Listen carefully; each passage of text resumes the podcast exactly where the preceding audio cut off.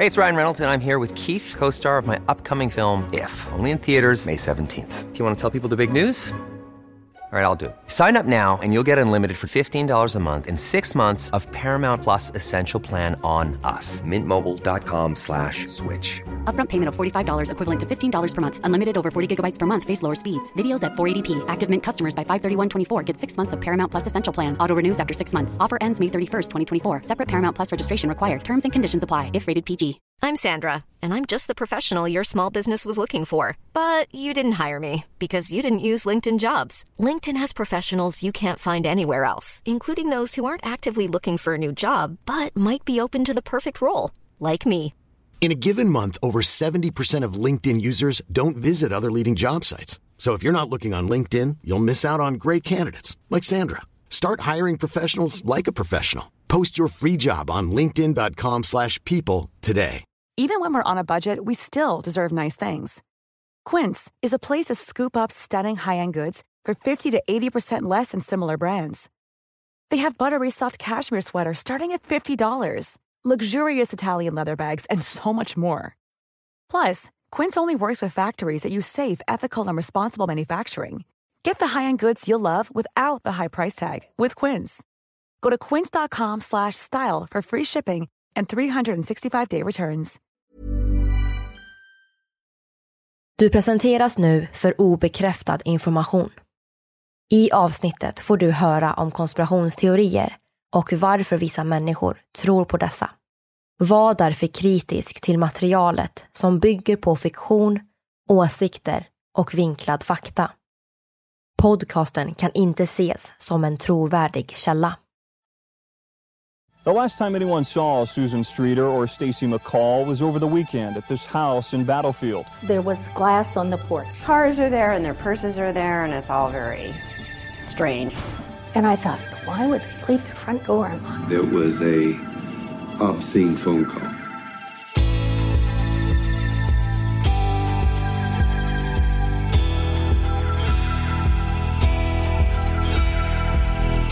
Det här är podden för dig som är intresserad av en annan version av verkligheten.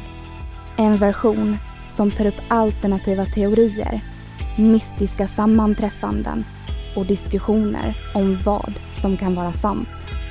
Mitt namn är Vivi. Och mitt namn är Aida.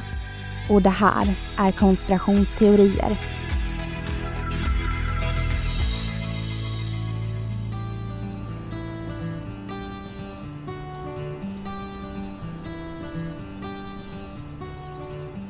Historien vi ska berätta för er idag har sin början i staden Springfield i USA.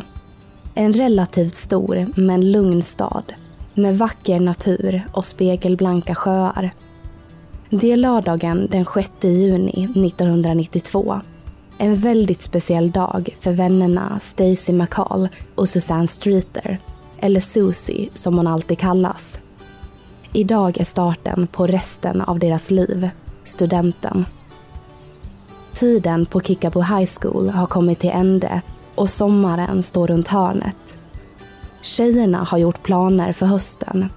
Stacy ska börja plugga på college och Susie vill följa sin mammas fotspår och arbeta som kosmetolog. Men först ska de njuta av sommaren och friheten. När examensceremonin är över, runt klockan sex på kvällen, åker Susie hem till sin mamma och äter pizza. Stacy spenderar eftermiddagen med sin familj. De tar massvis med bilder. Studenten är ju någonting extra speciellt. Tjejerna berättar för sina mammor om planerna för lördagskvällen. Först ska de gå på några examensfester. Sen ska de spendera natten på ett hotell i staden Branson, en 45 minuters bilresa från Springfield. Morgondagen ska tillbringas på den enorma vattenparken Whitewater. Både Stacy och Susie är oerhört taggade. Kvällen börjar närma sig. Susie och Stacy tar varsin bil och vid ungefär halv nio på kvällen anländer tjejerna på en fest på Coach Drive i Battlefield. Vid ungefär halv elva på kvällen ringer Stacy till sin mamma och berättar om de nya planerna. De struntar i att åka till Branson ikväll och tillbringar istället natten hos vännen Janelle Kirby.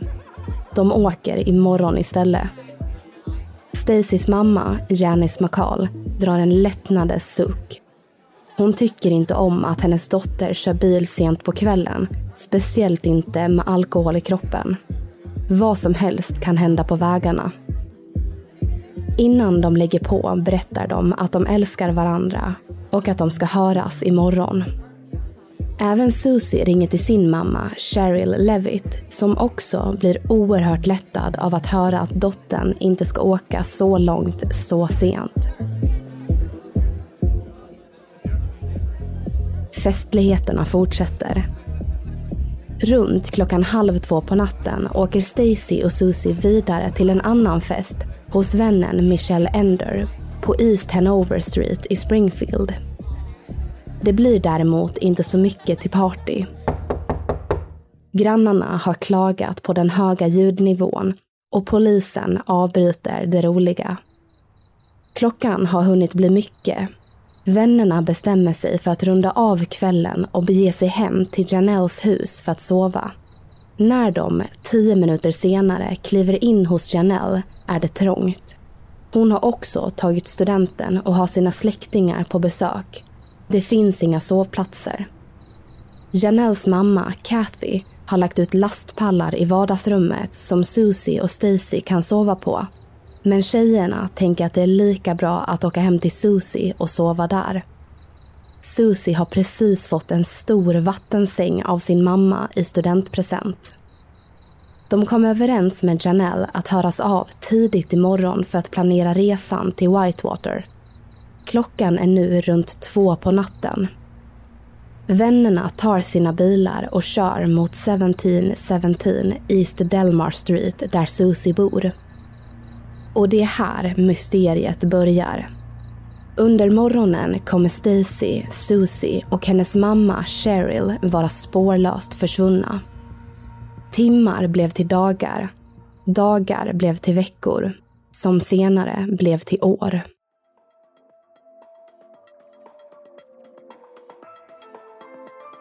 Idag har 30 år passerat och vi har fortfarande inte sett ett spår av kvinnorna. Fallet har fått enormt mycket uppmärksamhet. Det är inte ofta som flera personer försvinner vid ett och samma tillfälle. Vad det var som hände under den natten är det ingen som vet. Och det ska vi prata om idag när vi ska diskutera en konspirationsteori om The Springfield 3 ett av USAs största olösta fall.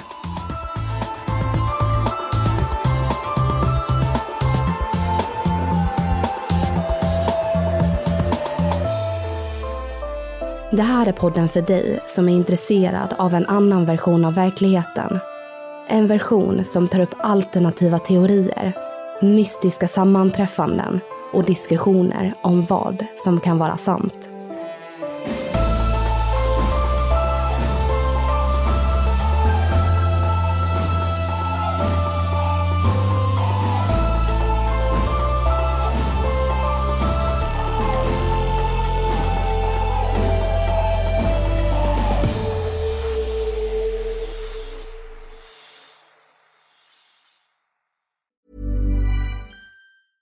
Hey, I'm Ryan Reynolds. Recently, I asked Mint Mobile's legal team if big wireless companies are allowed to raise prices due to inflation. They said yes. And then when I asked if raising prices technically violates those onerous two year contracts, they said, What the f are you talking about, you insane Hollywood ass?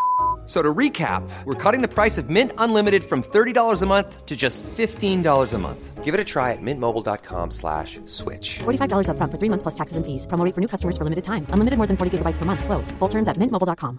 Hiring for your small business? If you're not looking for professionals on LinkedIn, you're looking in the wrong place. That's like looking for your car keys in a fish tank. LinkedIn helps you hire professionals you can't find anywhere else, even those who aren't actively searching for a new job but might be open to the perfect role. In a given month, over 70% of LinkedIn users don't even visit other leading job sites. So start looking in the right place. With LinkedIn, you can hire professionals like a professional. Post your free job on linkedin.com slash people today. Hey, it's Paige DeSorbo from Giggly Squad. High quality fashion without the price tag. Say hello to Quince. I'm snagging high-end essentials like cozy cashmere sweaters, sleek leather jackets, fine jewelry, and so much more. With Quince being 50 to 80% less than similar brands. And they partner with factories that prioritize safe, ethical, and responsible manufacturing. I love that. Luxury quality within reach. Go to quince.com slash style to get free shipping and 365 day returns on your next order. Quince.com slash style.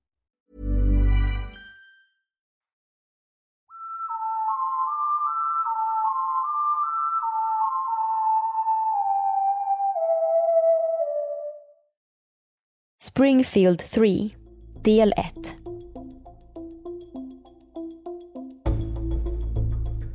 Det sista livstecknet vi har från Susies mamma, Cheryl Levitt, är vid kvart över elva på lördagskvällen. Hon är hemma på East Delmar Street och pratar i telefon med en väninna samtidigt som hon håller på att måla om en byrå. Kanske skulle hon även tapetsera om, vilket väninnan inte alls tycker är märkligt.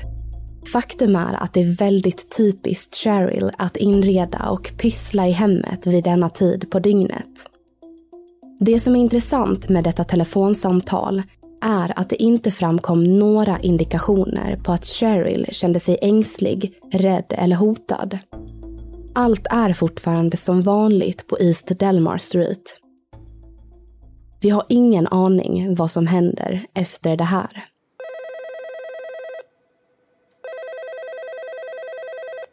Tidigt på söndagsmorgonen, runt klockan halv åtta, ringer vännen Janelle till Stacy och Susie för att planera det sista inför resan till vattenparken i Branson. Janelle får inget svar, men tänker att kompisarna förmodligen ligger helt utslagna efter gårdagen och helt enkelt glömt bort tiden. Hon ringer flera gånger. Gång på gång kommer hon till telefonsvararen. Timmarna går och vännerna hör fortfarande inte av sig.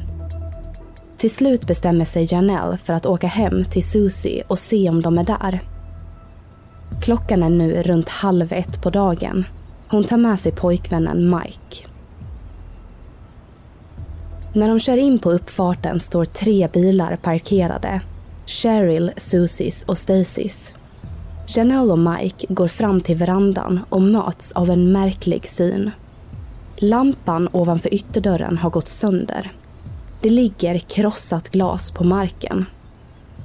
Det är däremot bara den yttre kåpan som är trasig. Glödlampan sitter kvar. Janelle och Mike bestämmer sig för att städa upp röran och samlar ihop de krossade glasbitarna och kastar dem i en soptunna på andra sidan gatan. Ingen öppnar. De testar att vrida på dörrhandtaget. Den är olåst. Förvånat går de in i hallen och ropar på kompisarna. Men varken Susie eller Stacy svarar. Inte heller Susies mamma, Cheryl. Det verkar inte vara någon hemma Förutom hunden Cinnamon som är något orolig och stressad. Janelle och Mike går in i huset. Ingenting ser direkt konstigt ut. Ett brus kommer från vardagsrummet. TVn står på med Myrornas krig i bakgrunden. Klockan är nu runt kvart över ett. Janelle och Mike väntar några minuter men bestämmer sig till slut för att åka därifrån. Men plötsligt ringer telefonen. Janelle svarar. En mans röst på andra sidan luren slänger ur sig vidriga ord. Efter att ha lyssnat på flera olämpliga sexuella kommentarer slänger hon på luren. Det dröjer inte länge innan telefonen ringer igen.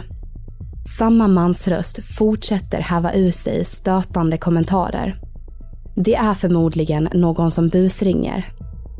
Janelle och Mike lämnar huset. Susie och Stacy är kanske med Cheryl på något ärende. Dagen går mot kväll. Stacys mamma, Janice, har nu hunnit bli väldigt orolig. Hon har inte hört någonting från dottern sedan kvällen innan. Det sista Stacy sa var att hon och Susie skulle sova över hos vännen Janelle. Janice ringer hem till Janelle. Det är hennes yngre syster som svarar och berättar att kompisarna inte sovit hemma hos dem utan tillbringat natten hos Susie. Så Janice åker till East Delmar Street. När hon kommer till huset ser hon den bekanta röda Toyotan, Stacys bil. Till en början är synen lugnande. Både Stacys och Susies bilar står parkerade på infarten och Cheryls står i carporten. Men Janice blir snabbt illa till mods. Susie brukar parkera sin bil i carporten. Den står ju nu på uppfarten. Janice går fram till ytterdörren som fortfarande är olåst. När hon kommer in till huset förstår hon direkt att något inte står rätt till. Trots att bilarna står parkerade utanför så är det ingen hemma. Hon tar en titt i huset. På golvet intill Susies sovrum står tre handväskor uppradade. Stacy, Susie och Cheryls. Inuti dem ligger plånböcker och hus och bilnycklar. I Cheryls väska ligger 900 dollar, över 8000 svenska kronor i kontanter som hon tjänat ihop på salongen hon arbetade på. Som hon förmodligen inte hunnit sätta in på banken än. I Stacys handväska ligger migränmedicinen dottern alltid har med sig då hon ofta drabbas av migränattacker. Janice blir frustrerad och irriterad. Det är väldigt dumt av hennes dotter att lämna handväska och bilnycklar. Dörren är ju inte ens låst.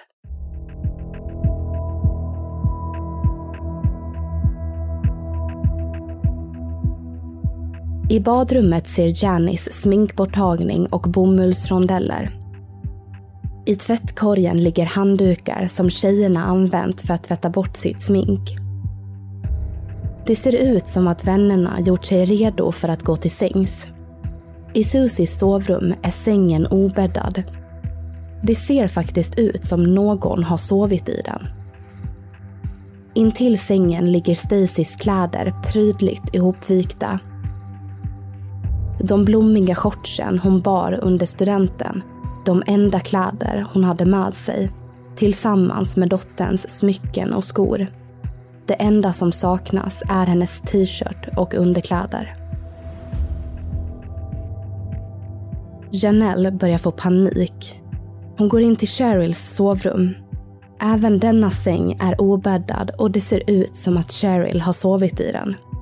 På nattduksbordet ligger en upp och nedvänd bok, glasögon och cigarettpaket. Janice vet att både Cheryl och Susie är storrökare och lägger märke till att både ciggpaket och tändare finns kvar i huset. Visst kan man ha fler om man röker, men Janice tycker att det är lite märkligt. Varken Cheryl eller Susie skulle någonsin lämnat huset utan sina cigg.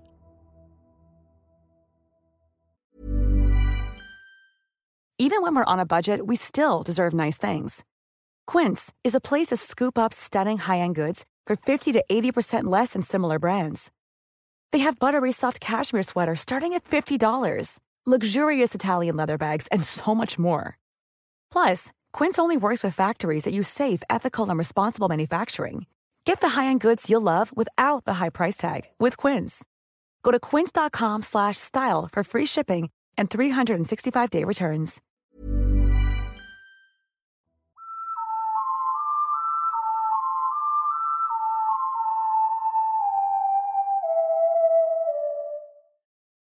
Klockan är nu runt 18 på söndagskvällen den 7 juni 1992. Telefonsvararen blinkar. Janis går fram för att lyssna av meddelandet. Det är en mans röst som pratar, men hon kan inte riktigt uppfatta vad som sägs. men tycker att det är mycket märkligt. När meddelandet på telefonsvararen tar slut försvinner det. Vi vet inte säkert om Janice råkade radera det eller om telefonsvarare vid denna tid automatiskt tog bort uppspelade meddelanden.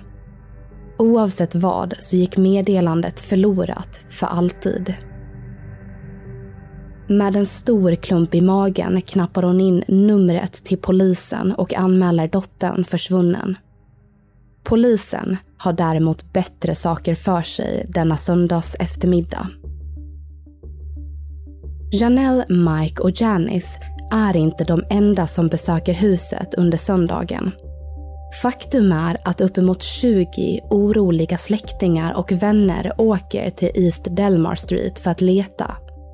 När de är i huset passar de på att göra Cheryl och Susie en tjänst. Det diskas, städas och saker flyttas omkring i huset. Någon passar till och med på att laga ett trasigt fönsterbräde. Som vi berättat tidigare möttes Janelle och Mike även av krossat glas på verandan som de oskyldigt sopade bort. Alla dessa vänliga gester innebär även att en brottsplats förstörs. Det verkar sannoliken som att ingen förstod allvaret.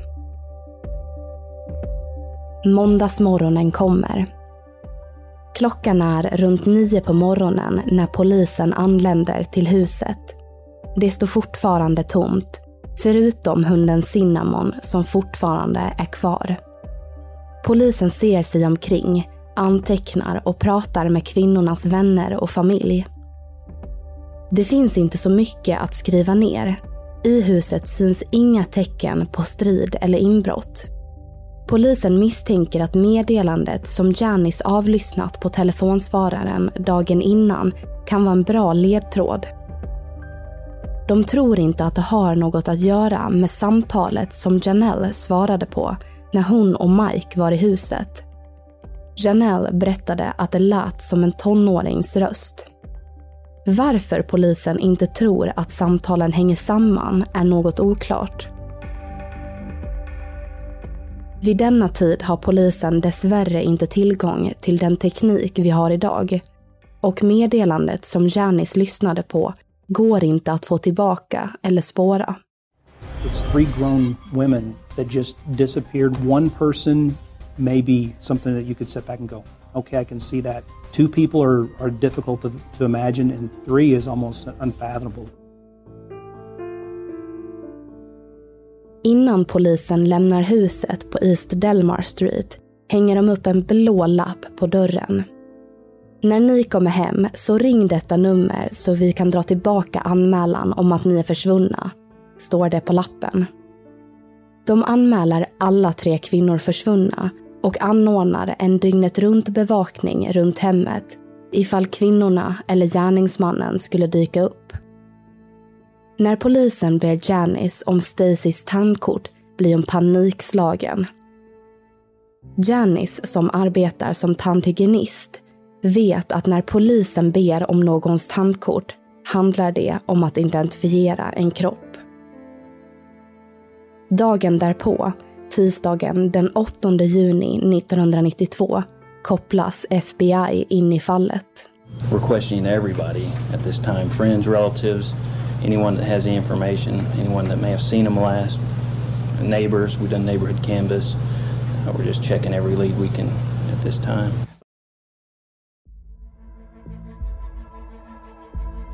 Hela Springfield engageras i fallet som i media får namnet The Springfield 3. Janice trycker upp flygblad med bilder på kvinnorna. Inom en vecka har det delats ut ungefär 20 000 flygblad uppsatta i stadens restauranger, på busshållplatser, telefonkiosker och i skyltfönster. I'm Mrs McCall and this is my daughter. Okay. And they're missing and we'd like to put posters in your windows, on your doors. Okay. If you could hang some up for us and we'd make enough if, if you'd even be willing to stuff them in the sacks or something, if somebody would do that. We'll bring them in. You know, will you, you'll do that for us? Tips strömmar in på stationen och polisen utvidgar sökområden och följer upp ledtrådar. Det blir en enorm sökinsats.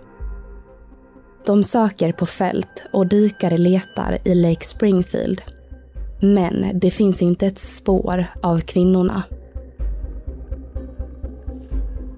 När det har gått en månad sedan kvinnorna försvann anländer en specialagent från FBI till Springfield. Han heter James Wright och ska ta fram en gärningsmannaprofil.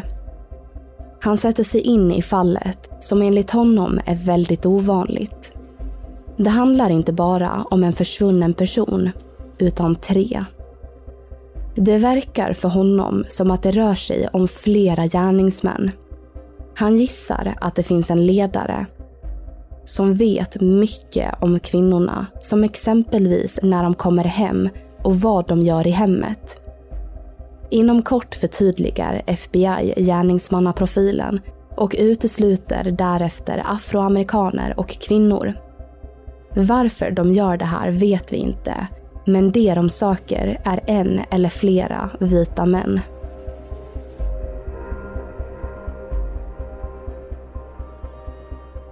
Polisen går ut med en belöning på 3 000 dollar för information som leder till att kvinnorna hittas. Pengar som motsvarar ungefär 48 000 kronor idag. Den 24 juli 1992 händer något intressant. En anonym person donerar pengar till polisens belöning som nu höjs till 40 000 dollar. Pengar som idag motsvarar ungefär 640 000 kronor. Vem det var är fortfarande inte känt.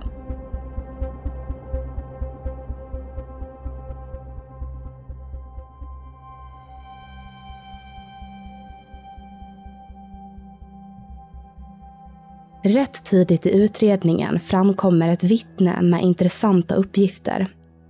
Hon har sett en kvinna som liknar Susie till utseende köra en mossgrön van tidigt på söndagsmorgonen den 7 juni 1992 nära Cheryls och Susies bostad. I baksätet satt en man som vittnet inte kunnat se men som sagt gör inget dumt till den kvinnliga föraren som såg väldigt rädd ut.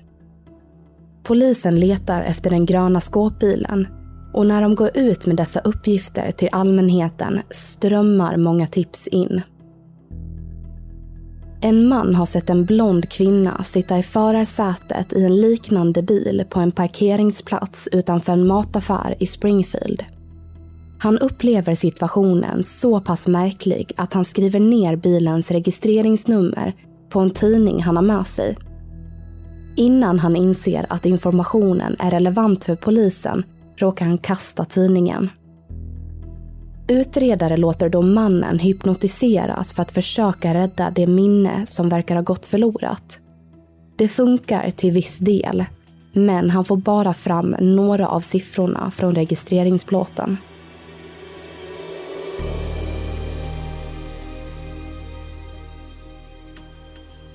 Den 2 januari 1993, ett halvår efter försvinnandet, hittar polisen en lapp i en lokal mataffär. De blir direkt intresserade.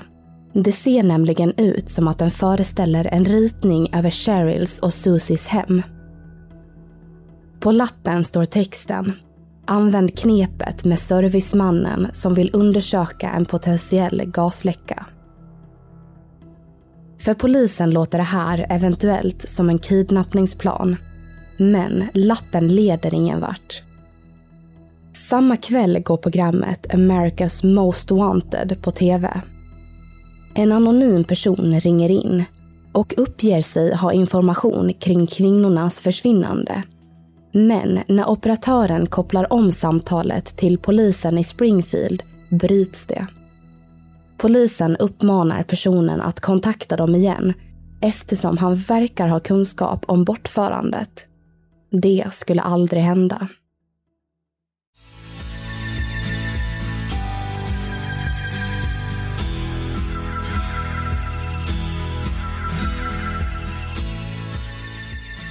Du har lyssnat på Springfield 3, del 1. Missa inte del 2 som kommer nästa vecka. Avsnittet gjordes våren 2022. Vi som har gjort programmet heter Vivian Lee och Aida Engvall tillsammans med redigerare Jenny Olli. Källorna till dagens program hittar du via vår Facebook eller Instagram där vi heter konspirationsteorier. Via våra sociala medier kan du även skicka in tips och önskemål på teorier som du vill höra i podden. Vill du höra fler avsnitt av konspirationsteorier? Besök din poddapp och lyssna på avsnitt som Vad hände med Chris Kremers och Lisanne Froon? Suspected human remains and hiking boots found during the search for two young Dutch women. Den försvunna flickan Madeleine McCann. Just hearing that a search is underway for a three-year-old British girl He's gone missing in the Algarve area of Portugal. Och mycket mer.